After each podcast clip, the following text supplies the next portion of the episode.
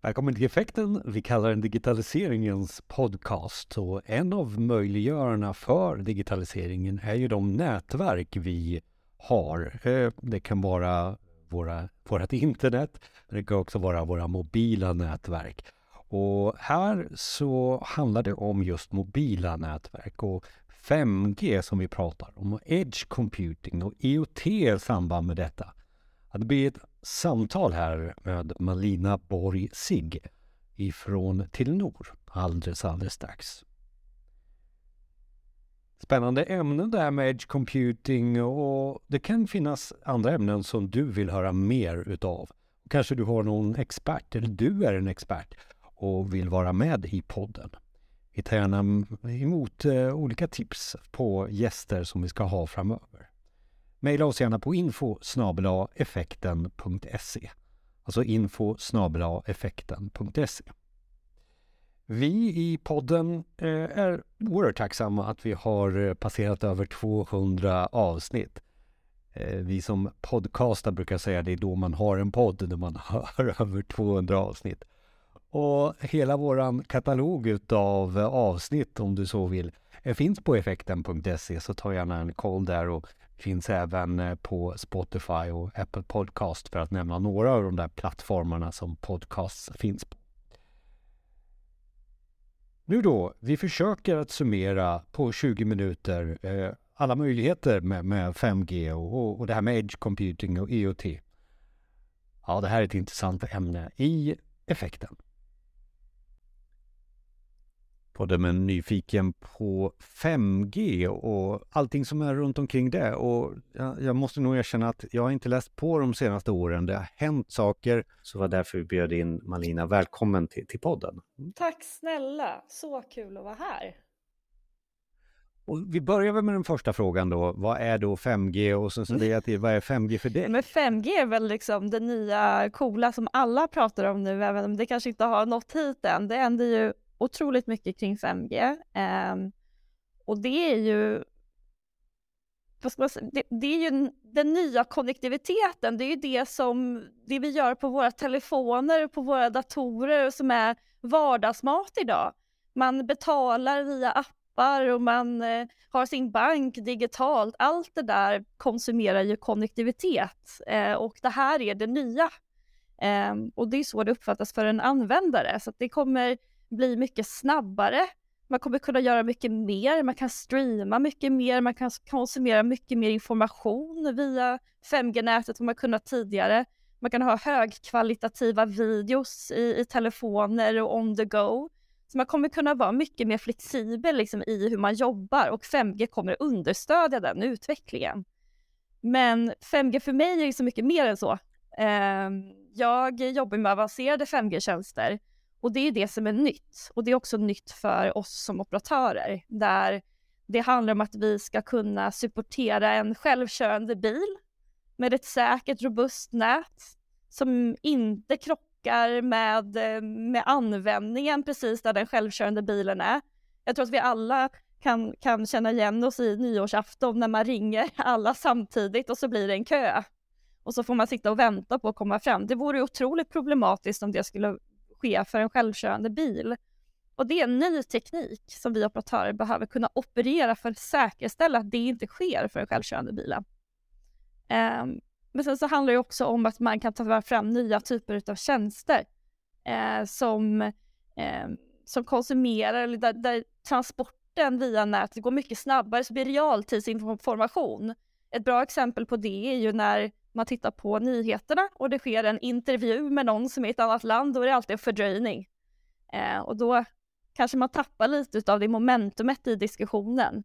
Men den fördröjningen är ju också problematisk för någonting som en VR-applikation eller ett spel som ska kännas som att man är i, i, i ett, ett, verklig, ett verkligt liv. Liksom. Men 5G kommer också stödja det, så det kommer verkligen vara som att man är i samma rum fast man är på olika ställen. Och det är 5G för mig. Mm. Och, och, och, 5G för mig är ju också någonting, jag har ju varit med det länge och det var ju 3G först och sen så blev liksom 4G och, och då håller jag upp min hand här och känner att det var där jag upplevde att det blev snabbare mm. internet för mig. Och och, och, nu när vi går från 4G till 5G, eh, då är för mig eh, hastigheten en icke-fråga egentligen. Det, det duger för mig med, med det jag har i 4G. Och nu med 5G så är det så oerhörda hastigheter så jag behöver inte ha det i mm. mobiltelefonen. Då är inte jag rätt målgrupp egentligen här, eh, kanske, i just det här use caset som jag målar upp min mobiltelefon. Här, ska, man, ska man ankra lite grann i så här, vart är vi nu när vi pratar om den nya tekniken så behöver det gå tillbaka till när vi hade 3G. Då hade det kanske varit svårt att greppa hur du använder din telefon idag. För det har ju hänt så himla mycket. Och det är precis i samma situation vi är idag, fast med 5G. Så vi vet att det kommer nya förmågor och, och, det, och det är mycket bättre och mer kraftfullt. Men det kan vara svårt att begripa hur, hur kommer ditt liv se ut när du har stöd för 5G om tio år?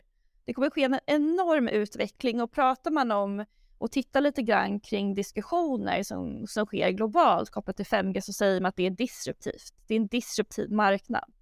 Och det innebär att just nu när det inte är helt kommersiellt än och man ser inte de här lösningarna ute i världen så är det, är det svårt att greppa exakt hur det här kommer appliceras i vår vardag.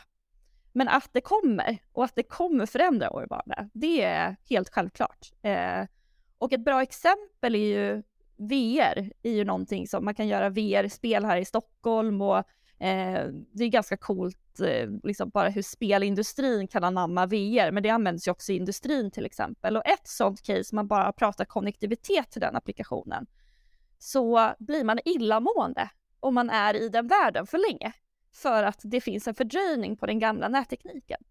Men med 5G så, och det kanske, det märker inte du med blotta ögat, men din hjärna märker det och effekten blir att du blir illamående. Men på 5G så finns inte den, vilket gör att du kan vara i en sån värld mycket, mycket längre. Och bara där finns det ju någonting som går att applicera och man kan få en känsla för så här, men oj då, hur kommer framtiden verkligen vara? Är det mobiltelefoner vi kommer ha? Hur kommer smartphonen utvecklas liksom? Jag tror, vi, mm. jag tror vi kommer komma in på vårt favoritämne, det här med att samla data och, och sådana saker. Men, men, men, jag tänkte, alltså någonstans, för du var inne på exempel och du är inne på exempel. Eh, och är vi igång Sverige, eh, i Sverige med, med du sa innan vi startade intervjun, jag skulle nog vilja ta lite andra eh, exempel från, från mm.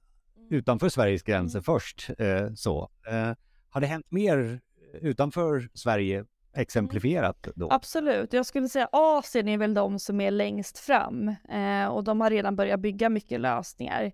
Det man eh, kan känna igen sig i och mycket har ju dykt upp kanske kopplat till Kina då när pandemin var, att man vill identifiera smittspridning, hur man rör sig, att säkerställa att folk eh, in, inte är ute i samhället. Man vill kunna eh, skapa en bättre konsumtion via realtids... Eh, alltså om du går ute på gatan och du går in i en butik så vill du ha en anpassad kommunikation kring, ja men här är det en kampanj i butiken och baserat på vad du har varit intresserad av tidigare så borde du gå hit. Eh, så att du får marknadsför, anpassad marknadsföring när du är fysiskt i en butik. Det är någonting man kan få via webbshoppar i Sverige idag till exempel. Ehm, Bildigenkänning är ett sånt, eh, en sån del som man kanske vill öka säkerheten i staden genom att man vill ha koll på, eh, på vilka som rör sig, om det är någon som gör någonting som den inte får, att man kan identifiera vem det är och så vidare. Eh, och det här understödjer 5G-tekniken, eh, eh, den här typen av realtidstjänster. Eh, men den är ganska problematisk om man tittar på den europeiska marknaden. Eh, eftersom att vi här just nu ser att okej, okay, med 5G så kommer i princip allt vara uppkopplat. Infrastruktur, känslig infrastruktur kommer vara digitaliserad på något sätt. Um, och det gör att det blir viktigt i Sverige men också i EU att säkerställa att den infrastrukturen inte är beroende av en främmande makt. Och att data som då eh, används och konsumeras för att göra analyser, oavsett om det är för att marknadsföra eller ta fast en kriminell person, att det sker på ett säkert sätt som är demokratiskt och som är enligt de regler och lagar som vi har i Sverige och som vi har i EU. Så du, du menar på att 5G blir ju en, en enabler för mycket av uppsamling utav data från eh, noder som är ute. Eh, beroende på att du, du hade kameror, men det kan ju vara egentligen vad som helst. Det är ju bara fantasin som sätter gränser vad en nod kan vara och den noden mm. samlar data. Och den ska liksom komma till en central plats kanske då för analys. Eh, och där uppstår mm. just det här som du nämnde. Ja, men vad får man analysera inte? Alltså får ett företag samla in information om vem du är? Eh, och bara ha den och skapa produkter och tjänster på det. Och det finns ju saker som är väldigt bra. Eh, om man tittar på AI till exempel som konsumerar mycket data så är det ju jättebra när man använder det som ett verktyg i vården för att hitta cancer till exempel. Analysera en bild. Det är ju det är toppen, då kan man ju verkligen optimera en patientundersökning, patient, patientdiagnostik till exempel. Så när man använder AI och tekniken som ett verktyg så är det superbra. Men det finns också problematik i det där. För beroende på vart informationen landar och vem som äger den informationen så kan ju det också användas för andra saker som är mindre bra. Det kan handla om att polarisera ett samhälle eller att en främmande makt har olika syften kopplat till falsk information som då går ut eh, i samhället. Och det här är ju viktigt att ta med i 5G som 5G kommer göra att allt blir mer digitaliserat som också innebär att mer data kommer finnas i nätet men också i, på andra plattformar. Så du menar på också att, eh, jag menar, Edge, kom, Edge eh, eller noder eh, kan ju samlas in och man kan skicka det över någon krypterat nät eh, som är internet och sen så kan det komma vidare eh, till eh, källan också. alternativet med 5G som jag uppfattar det är att du kan göra det, det blir snabbare att ta data ifrån nod, om vi pratar data här, eh, eh, eh data ifrån nod till den centrala platsen. Är det där den stora skillnaden blir eh, eh än att köra det via internet? Eh. Det man kan säga är att om vi, om vi pratar lite grann om edge computing, vad det är för någonting, så kommer det finnas en plattform i nätet som opereras av operatören som är reglerad av PTS för att hantera känslig data. Ehm, men för konsumentdata då, på ett säkert sätt, då är det viktigt att vi säkerställer att det, ehm, att det är bra och att det är säkert för Sverige eh, och, och, driver de initiativen eh, inom EU och stöttar den eh, sovereign eh, initiativen kopplat till data som är där. Där har vi en viktig position som operatör, operatör att ta, tycker jag. Eh, men sen så är det ju som du säger, de här nya förmågorna eh, som gör att den digitala världen känns mer som den riktiga världen. Att gränsen mellan vad som är en värld i ett, ett, en digital verklighet, ett metaverse och det som kan ske där, eller gamification utav industrin för att optimera och automatisera till exempel, att den världen är mer lik våran verklighet. Där kommer ju, det sätter krav på att man kan ha otroligt höga hastigheter, att det inte finns en fördröjning så att man behöver ha en infrastruktur som är nära användaren. Och det är precis det som 5G handlar om. Men så som vi kommer uppleva det är att gränsen mellan den digitala världen och den verkliga världen blir eh, mindre tydlig. Eh, och då gör det att man kan göra mer i en digital värld. Och i en digital värld så kan man ju göra analyser, använda AI för att optimera, automatisera och skapa smartness. Eh, men det viktiga här är ju hur vi använder det och att den plattformen är säker. Så att vi inte digitaliserar oss och blir beroenden utav länder som är klassade som främmande makter i en värld som blir mer och mer polariserad. Tyvärr är det ju så. Eh, och här har vi ett jätteansvar. Och tittar man till exempel på edge computing-området så är ju det ett buzzword som allt annat. Mm det kan definieras som väldigt mycket. Ibland används det för gammal on-prem-infrastruktur. Man har en server som står ute hos sig och det har man ju haft länge inom eh, diverse väsen. Eh, men ibland så pratar man om det som en del av nätet och det är så vi klassar edge computing. Och här ser man också att det finns en utveckling för cloud, eh, amerikanska cloudaktörer. För edge computing är ju en typ av cloudtjänst. Man går ju från nät till applikation. Alltså från, från konnektivitet till lösning, till den appen som du har i telefonen och den plattformen där, som ska hosta den. Um, och det gör att de gör ju en utveckling för att eh, ta sig in i den här nya disruptiva marknaden. Det är ju ett sätt för dem att utveckla sin lösning så den blir bättre. Men det är ett amerikanskt bolag. Är det verkligen en bra plattform för Sverige att digitalisera sig på? Kan verkligen myndigheter använda en sån lösning om vi ställer den i vårt nät? Och det här är någonting som vi tycker är väldigt viktigt och som jag framförallt tycker är väldigt viktigt att vi nu mitt i vår 5G-utbyggnad tar med den här eh, delen i, i beaktning så att vi kan göra en robust plattform som är säker för framtiden och som gör att alla kan använda den för att digitalisera, förbättra sig och optimera sina processer och tjänster och så vidare. En del av det jag hör eh, du, du pratar ju om, om på en bara på en övergripande nivå så är min analys här att du tog ju nämnde exempel från Asien eh, där man samlar data från den verkliga världen. Eh, i, I västvärlden så kanske vi bara har data från internet. Och, och nu börjar vi förflytta västvärlden in i den fysiska världens datainsamling. Och det är där eh, de här eh, anonymisering, säkerhetsfrågorna kommer upp som, mm. som, som du highlightar här. Eh, ja, men verkligen, och jag tror att mm. det har man ju pratat om länge, att data är mer värt än guld. Um, det myntades för nästan tio år sedan, det börjar nästan bli förlegat och gammalt nu, men jag tycker att ju mer vi närmar oss liksom, mer digitaliserade tjänster, att vi är mer på nätet, att telefonen blir en större del av vårt liv, Eh, Eh, man går från ett kontantlöst samhälle till Swish eh, och hur allting bara eh, utvecklas i den riktningen. Då blir det viktigare och viktigare att prata om det tycker jag. För att, att, att analysera och manipulera data, vilket man kan göra om man äger den, det är ett otroligt kraftfullt verktyg och det finns exempel där man har använt det som ett vapen för att eh, ändra politiska åsikter, trycka ut viss information och och nu med kriget i Ukraina och, och, Ryssland så sker ju det här kontinuerligt och vi pratar också om det i, i svenska medier, att det sker olika typer av riktade attacker kring fake news och så vidare.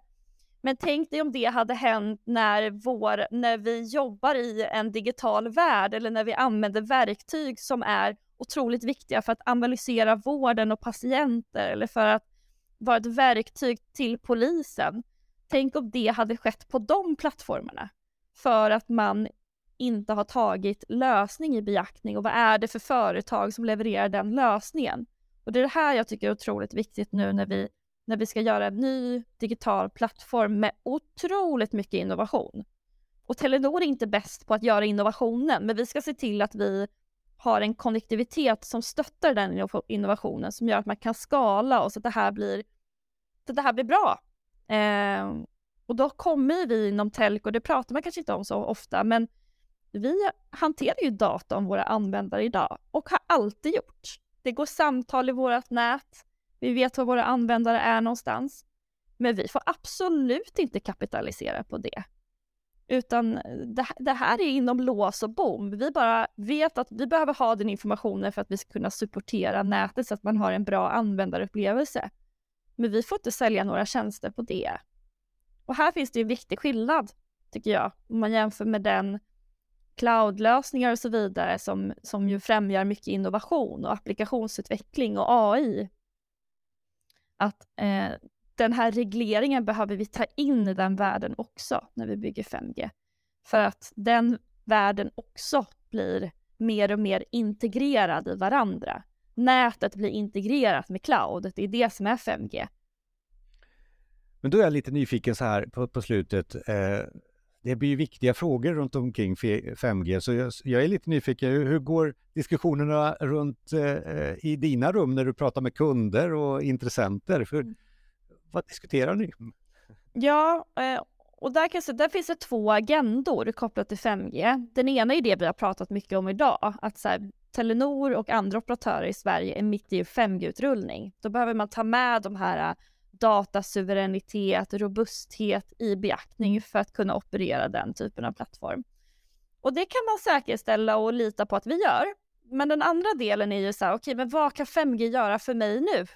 För vi på Telenor har ju eh, kommersiella erbjudanden och vi levererar olika typer av projekt med innovation för industrin, med uppkopplade verktyg eller eh, kameror som streamar video på SVT till exempel till våra, eller deras tittare live. Så att vi gör ju implementationer idag. Och så som vi eh, går in i en kunddiskussion, för att vi förstår vi är experter på 5G och det är det vi bidrar med i en sån diskussion. Medan kunden då är ju expert på sin verksamhet.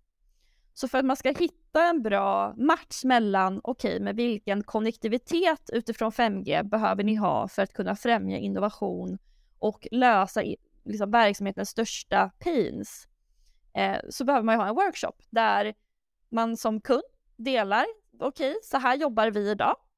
Eh, det här är våra utmaningar i det arbetssättet som kanske skulle kunna appliceras på en digital lösning, automation, AI och så vidare.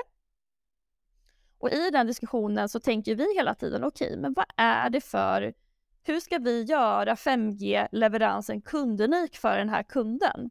För 5G är inte binärt.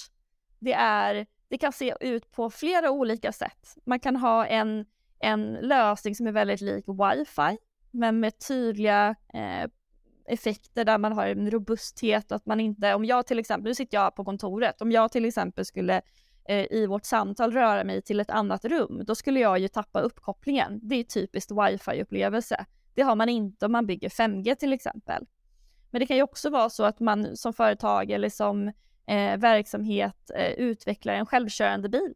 Ja, men då måste vi ut i världen för den bilen kanske ska röra sig från södra Sverige till norra Sverige och då är det ju vårt publika nät det handlar om. Så hur, hur löser vi så att den inte tappar uppkoppling och så att den har en bra eh, tillförlitlighet i, i, liksom, som stöd för den applikationen som ju är den självkörande bilen.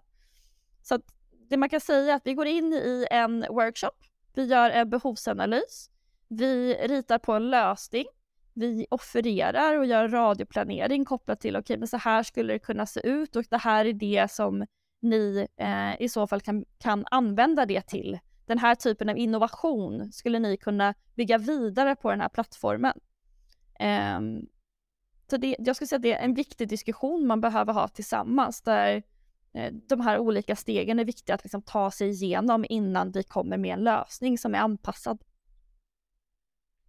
Det låter ju väldigt som en enabler för mycket utav innovationsförmågan inom digitalisering och AI och alla de här ämnena som vi pratar om i, i podden. Och Eh, hur, hur, ska man göra? För, för, för, nu blir vi ju lite nyfikna på det här. Alltså hur, hur tar man sig vidare? Hur följer man eh, utvecklingen av 5G? Eh, vi har ju lovat några länkar här i, i blogginlägget och sådär, men, men eh, det kan underlätta kanske. Men, men, men är det något sådär som du stalltips redan så här? Ja, men jag ska definitivt, eh, vi ska länka till vår externwebb. Vi gör kontinuerligt pressreleaser för att dela det vi kan dela inom och, och liksom bidra med inspiration till olika use cases och leveranser som vi har gjort. Och där får man jättegärna följa mig på LinkedIn eller på Telenors eh, LinkedIn-sida, både Telenor men också Telenor Företag, eh, där vi kontinuerligt delar insikter kring implementationer och sånt som vi är involverade i eh, kopplat till 5G.